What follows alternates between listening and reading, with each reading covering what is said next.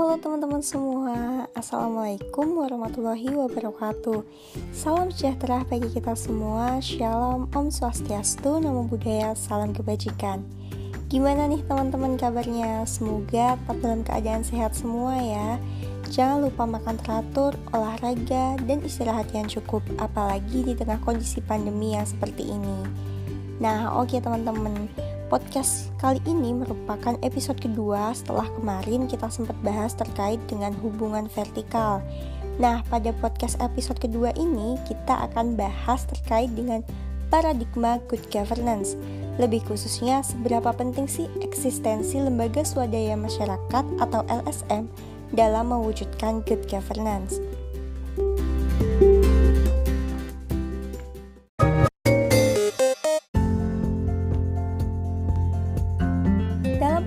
Kedua ini kita akan membahas empat hal penting. Yang pertama tentunya apa sih good governance itu? Yang kedua, bagaimana konsep good governance dapat direalisasikan di Indonesia? Yang ketiga, kita juga akan menilik relasi antara LSM dan pemerintah dalam mewujudkan good governance. Dan yang terakhir, bagaimana sih aktualisasi salah satu LSM di Indonesia dalam mewujudkan good governance? Sebelum masuk pembahasannya lebih lanjut, penting sekali untuk kita ketahui apa sih good governance itu, sekaligus kita menjawab pertanyaan tadi. Uh, jadi dari governance dulu ya teman-teman. Bank Dunia sendiri sebenarnya sudah mendefinisikan tata pemerintahan atau governance sebagai sebuah cara untuk menjalankan kekuasaan dalam pengelolaan sumber daya ekonomi dan sosial di dalam suatu negara. Nah, ada bedanya nih antara government dan governance ketika government itu membahas tentang struktur dan kewenangan dengan aktornya berupa pemerintah, governance ini lebih menekankan pada prosesnya, pada tata kelola dengan aktor tidak lagi pemerintah saja, melainkan setiap yang berkepentingan dapat terlibat dalam pengambilan kebijakan. Jadi di sini pemerintah hanya menjadi salah satu aktor di dalamnya, bukan menjadi satu-satunya aktor. Nah, misalnya saja ada kasus di situ tidak hanya pemerintah yang terjun, melainkan bisa jadi ada masyarakat sipil, ada masyarakat adat, bahkan ada sektor swasta seperti perusahaan yang turut berdialog untuk menemukan jalan terbaik dalam mengatasi permasalahan yang ada. Jadi kita kembali lagi nih pada good governance. Good governance dapat diartikan sebagai tata kelola pemerintahan yang mencakup seluruh mekanisme, proses, dan lembaga-lembaga di mana masyarakat ini dapat turut mengutarakan kepentingan mereka, menggunakan hak, bahkan memenuhi kewajiban serta yang penting menjembatani perubahan-perubahan yang ada di antara mereka. Lalu apa aja sih prinsip yang mendasari dari good governance ini? Jika melihat atau mengutip dari Bank Dunia, sebenarnya terdapat beberapa prinsip atau karakteristik dari good governance. Di antaranya yang pertama, masyarakat sipil yang kuat dan partisipatoris. Artinya, ada kesempatan terbuka yang lebar bagi seluruh elemen masyarakat untuk terlibat aktif dalam pembuatan, monitoring, bahkan evaluasi kebijakan. Nah, karakter yang kedua adalah adanya pembuatan kebijakan yang dapat diprediksi oleh publik. Yang ketiga, eksekutif yang bertanggung jawab. Dan karakteristik yang keempat adalah adanya birokrasi yang profesional.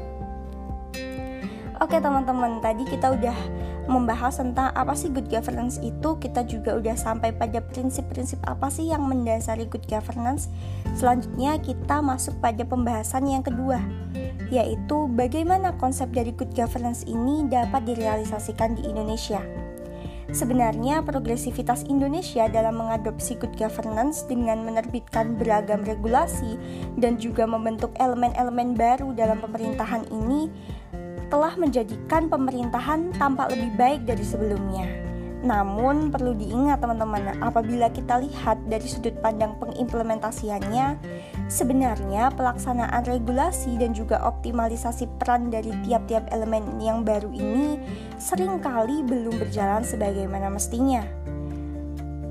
Semestinya uh, sebenarnya di Indonesia sendiri usaha pemerintah untuk menciptakan good governance secara terarah sudah dilakukan sejak tahun 2004 melalui yang namanya pembuatan kajian rencana tindak reformasi birokrasi yang dilakukan oleh Bappenas dengan upaya melakukan perbaikan dalam sektor birokrasi. Loh, kenapa ya yang diperbaiki birokrasinya? Hal ini lantaran birokrasi itu merupakan perangkat utama yang berperan besar dalam menjalankan roda pemerintahan. Ibaratnya gini, birokrasi itu adalah sebuah mesin mobil. Jadi kalau mesinnya udah rusak, udah bermasalah, ya mobilnya nggak akan sampai pada tujuan awal. Sama halnya dengan birokrasi, apabila birokrasinya tidak baik, bermasalah, tidak profesional, maka akan sulit untuk merealisasikan tujuan utama tadi yaitu good governance. Sehingga birokrasi di sini memegang peranan yang sangat penting dalam pemerintahan. Baik, kita sekarang masuk pada bahasan yang ketiga, yaitu menilik relasi antara LSM dan pemerintah dalam mewujudkan good governance adanya fakta bahwa lembaga negara yang bertanggung jawab sering kali mendapat tekanan politik, maka sudah semestinya LSM ini hadir sebagai organisasi alternatif dalam mewujudkan tata kelola pemerintahan yang baik atau good governance dan pemerintahan yang bersih atau clean governance. Nah, dalam upaya mendorong terrealisasinya good governance, LSM berperan strategis sebagai agent of control bagi pelaksanaan penyelenggaraan pemerintahan yang mengupayakan prinsip-prinsip good governance yang telah kita bahas tadi. Jadi, LSM di sini berperan penting dalam meningkatkan partisipasi politik masyarakat untuk secara otonom mengkritisi kebijakan pemerintah dan juga mendesakkan kebijakan agar berorientasi sebesar-besarnya untuk kepentingan rakyat. Nah, uh, hubungan antara LSM dan pemerintah sendiri sebenarnya terbagi menjadi tiga teman-teman. Yang pertama adalah tingkat kemitraan tinggi, di mana LSM dalam menjalankan programnya memilih bermitra atau bergabung dengan pemerintah. Jadi meskipun bersifat kooperatif dengan pemerintah, tapi LSM ini lebih button up atau lebih partisipatif. Yang kedua adalah politik tinggi dan mobilisasi akar rumput, di mana tipe ini menekankan bahwa gerakan LSM terfokus pada kelompok-kelompok yang terpinggirkan. Kegiatannya terbatas pada kerjasama dengan pemerintah karena cenderung memilih untuk ambil posisi yang berseberangan dan juga melakukan advokasi. Jadi sering kali LSM dengan tipe ini melakukan gerakan protes dan juga mobilisasi massa. Lalu tipe yang ketiga adalah pemberdayaan akar rumput di mana LSM di sini memusatkan perhatiannya pada pemberdayaan masyarakat dan juga mencari resolusi-resolusi masalah sosial, khususnya bagi kelompok marginal. Jadi di tipe terakhir ini, LSM sama sekali tidak berusaha untuk bekerja sama dengan pemerintah ataupun masuk dalam ranah politik. Nah, bagaimana sih kinerja LSM dalam mewujudkan good governance?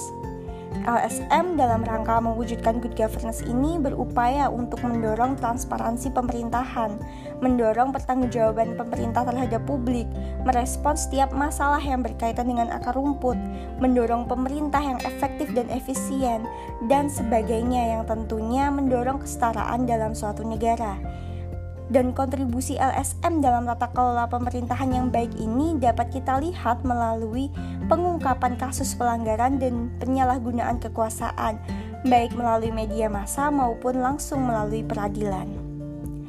Oke teman-teman, sekarang kita lanjut pada topik yang terakhir yaitu bagaimana aktualisasi dari LSM dalam mewujudkan good governance. Di sini aku coba ambil contoh Patiro.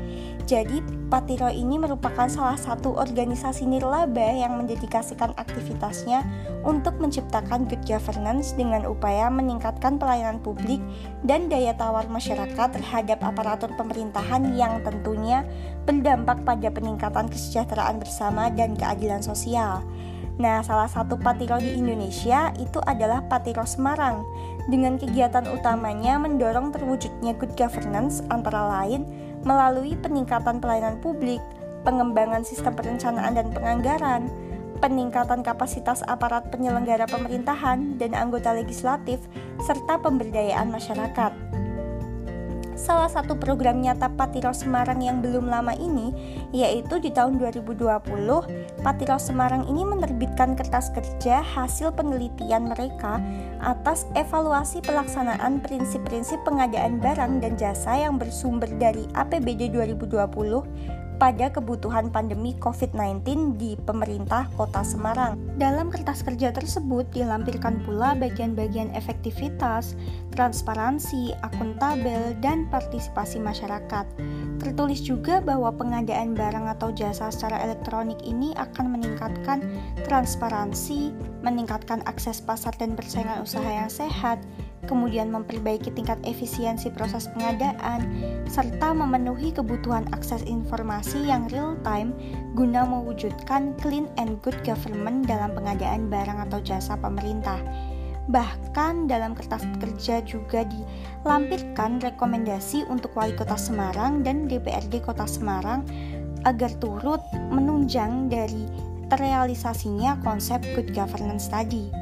Jadi di sini LSM Patiro, khususnya Patiro Semarang, telah membuka ruang partisipasi publik dan mendorong terwujudnya birokrasi yang lebih profesional. Hal ini tentu sejalan dengan prinsip dasar dalam good governance, di mana paradigma good governance ini menekankan arti penting kesejajaran antar seluruh unsur masyarakat, baik negara, sektor private, maupun lembaga-lembaga yang ada di luar negara. Dan dalam mewujudkan good governance sendiri, masyarakat harus lebih sadar dan kritis terhadap keputusan dan kebijakan pemerintah.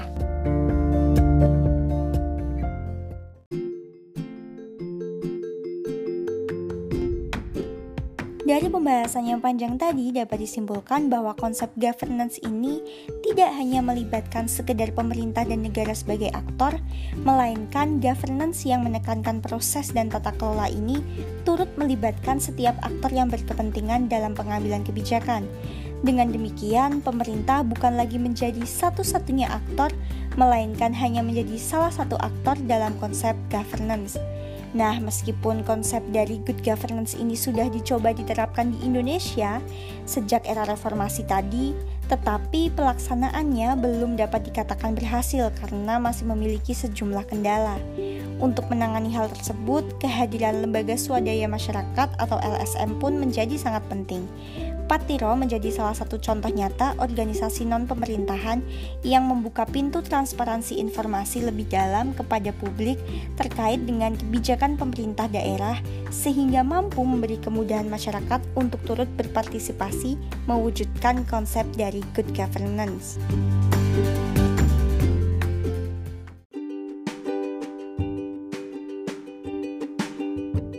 Oke teman-teman, sekian pembahasan terkait dengan konsep good governance. Semoga podcast di episode kedua ini dapat memberi manfaat. Terima kasih sudah mendengarkan dan sampai jumpa di podcast-podcast berikutnya. See you teman-teman. Wassalamualaikum warahmatullahi wabarakatuh.